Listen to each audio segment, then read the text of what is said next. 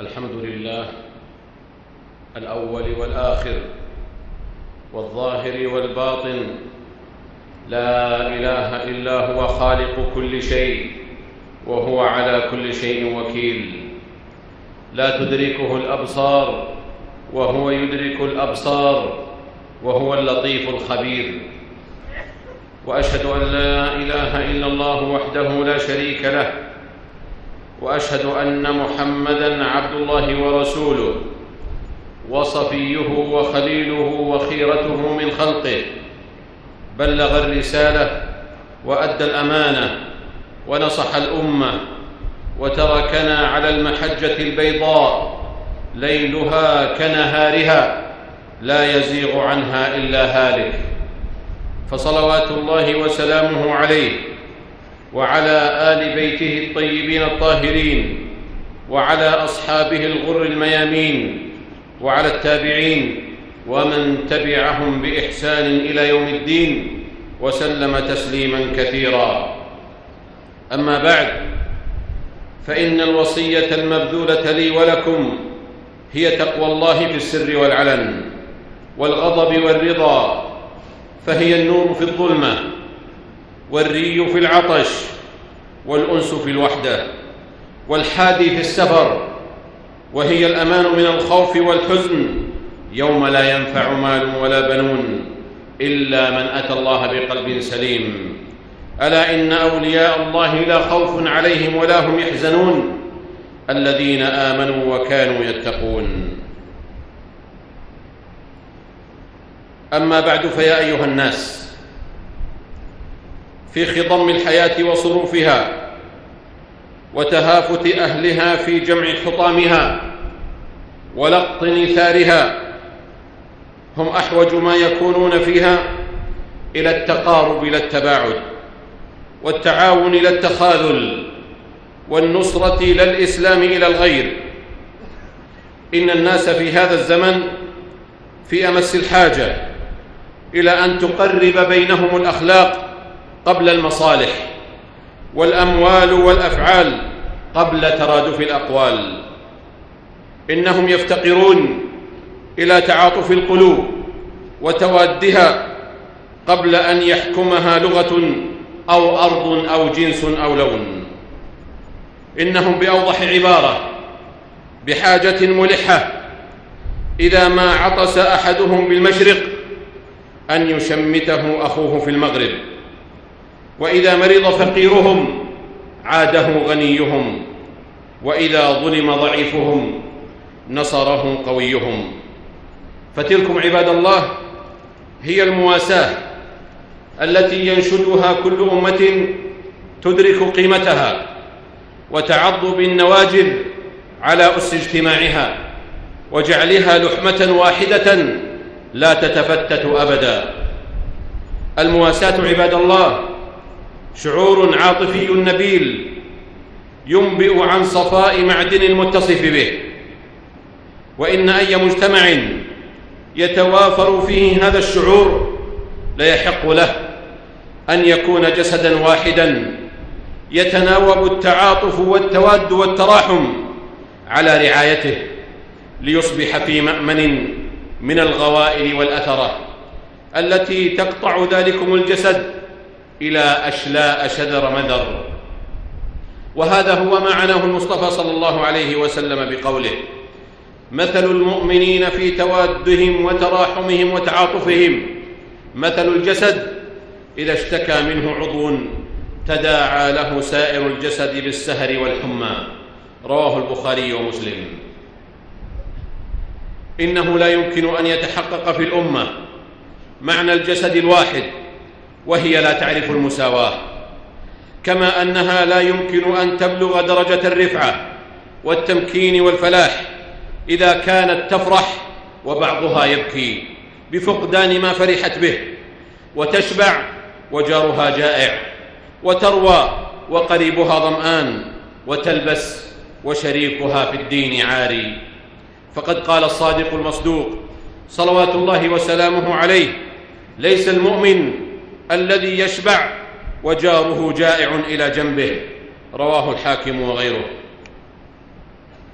إن بلادة القلوب إن بلادة القلوب عن المواساة محنة ماحقة يحترق في سعيرها الفضائل ويؤد في ترابها ويؤد في ترابها التواد والتعاطف والخاسر دون شك هو مجموع الأمة أفرادا وجماعات.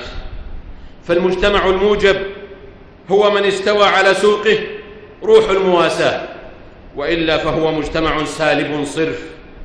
ولكن ما المانع من توطين النفس وقسرها على حب الفضائل والشعور العاطفي تجاه الآخرين بسد الخلل وستر الزلل وقبول العلل. ومد يد الخير لمن مد للخير يده. وإعطاء السائل وابتداء العفيف الذي لا يسأل الناس إلحافا. وبعد ذلكم كله وبعد ذلكم كله عباد الله فلقائل أن يقول كيف يستطيع المسلم كيف يستطيع المسلم التفاعل بشعور المواساة وهو لا يملك من المال ما يعينه على ذلك؟ فالجواب على هذا القيل أنه من الغلط الفاحش قصر مفهوم المواساة على الجانب المالي أو القدرة عليه فحسب. بل هي شعور قلبي قبل أن يترجم إلى مال وإحساس عاطفي قبل أن يمتد إلى الجوارح. ثم إن من المواساة ما لا يفتقر إلى المال فالمسح على رأس اليتيم لا مال فيه واتباع الجنائز لا مال فيه وعيادة المريض لا مال فيها والتبسم في وجه أخيك والتبسم في وجه أخيك المسلم لا مال فيه وتعزية المصاب لا مال فيها وغير ذلكم كثير من أبواب المواساة التي تفتقر إلى القلب الحي النابض إلى القلب الحي النابض بالشعور تجاه الآخرين. المدرك عاقبة المواساة وأنها سائق ودليل إلى جنات ونهر في مقعد صدق عند مليك مقتدر. وفي الحديث أن النبي صلى الله عليه وسلم قال ليس من نفس ابن آدم إلا عليها صدقة في كل يوم طلعت فيه الشمس. قيل يا رسول الله ومن أين لنا صدقة نتصدق بها؟ قال إن أبواب الخير لكثيرة. التسبيح والتحميد والتكبير والتهليل والأمر بالمعروف والنهي عن المنكر وتميط الأذى عن الطريق وتسمع الأصم وتهدي الأعمى وتدل المستدل على حاجته وتسعى بشدة ساقيك مع اللهفان المستغيث وتحمل بشدة ذراعيك مع الضعيف فهذا كله صدقة منك على نفسك. رواه أحمد والنسائي وابن حبان. إنه لمن العجب العجاب. إنه لمن العجب العجاب عباد الله أن يكون في أمة الرحمة قساة قد طمسوا مفهوم المواساة من قواميسهم. حتى ماتت قلوبهم فلا يئنون لمتألم ولا يتوجعون لمستصرخ. ولا يحنون على بائس. قد قست قلوبهم وغلظت أكبادهم. في حين إن الواجب على الأمة المسلمة ألا تعظم الدنيا ودينارها ودرهمها وتغفل عن يتيمها وذي المتربة فيها حتى لا تستعبدها معاني الانحراف في النظرة إلى المال والحياة والعاطفة تجاه الغير. لأن مثل ذلكم كفيل في أن يكنز الغني مالا فيكنز الفقير عداوه. فلا يأخذ القوي حينئذ بيد الضعيف ولا يشد المقتدر من أزر العاجز. فيضيع الضعفاء المعوزون وسط الزحام ثم تسحقهم أقدام القسوة والتغافل المقيت إن أمة هذه حالها لا يمكن أن تغلب عدوها. لأنها لم تستطع قبل ذلك أن تغلب هواها وشهوات نفسها. بل تؤثرون الحياة الدنيا والآخرة خير وأبقى. قال النبي صلى الله عليه وسلم يوما لأصحابه من أصبح منكم اليوم صائما؟ قال أبو بكر أنا. فقال رسول الله صلى الله عليه وسلم فمن تبع منكم اليوم جنازة؟ قال أبو بكر أنا. قال رسول الله صلى الله عليه وسلم من أطعم اليوم منكم مسكينا؟ قال أبو بكر أنا. قال رسول الله صلى الله عليه وسلم فمن عاد منكم اليوم مريضا؟ قال أبو بكر أنا. فقال النبي صلى الله عليه وسلم ما اجتمعنا في امرئ إلا دخل الجنة. رواه مسلم. ألا فاتقوا الله عباد الله ولتبادروا إلى إلكاء مفهوم المواساة في مجتمعاتنا بالتوجيه والحث والقدوة من خلال العمل التطوعي من خلال العمل التطوعي والخيري فردا وجماعة وعبر الأوقاف والوصايا والجمعيات التعاونية. ولتكن الدنيا في أيدينا لا في قلوبنا ولنستحضر كل حين أن من منحنا ولنستحضر كل حين أن من منحنا البسمة قادر على أن ينزعها منا. ومن وهبنا المال قادر على الا يبارك لنا فيه. وما الحياة الدنيا إلا متاع الغرور. بارك الله لي ولكم في القرآن والسنة ونفعني وإياكم بما فيهما من الآيات والحكمة. قد قلت ما قلت إن صوابا فمن الله. وإن خطأ فمن نفسي والشيطان وأستغفر الله لي ولكم ولسائر المسلمين من كل ذنب وخطيئة فاستغفروه إنه كان غفارا.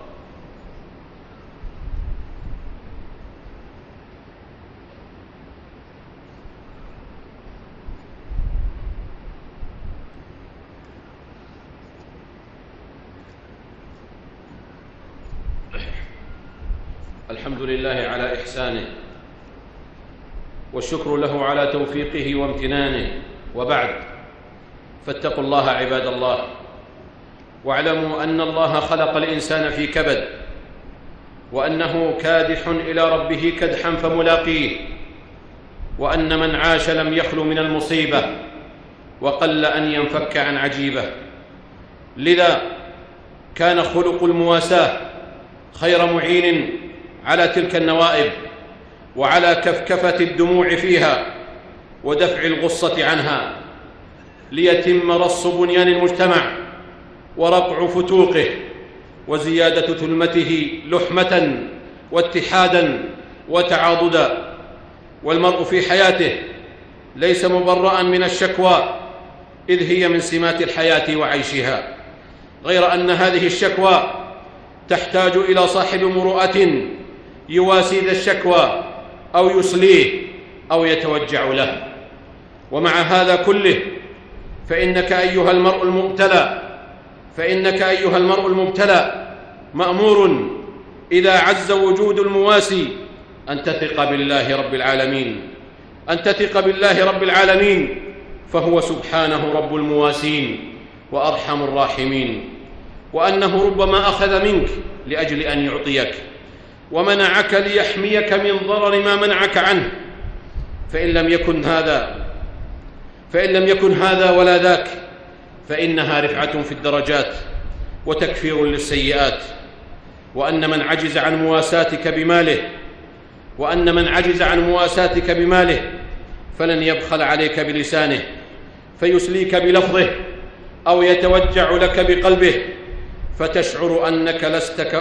فتشعر أنك لست وحدك في الهم فتشعر أنك لست في الهم وحدك وأن هناك من يبكي لبكائك ويحزن لحزنك ومتى أوحشك خلو الواقع من المعين فإن للصبر عواقب أحلى من الشهد المكرر وإنما يوفى الصابرون أجرهم بغير حساب.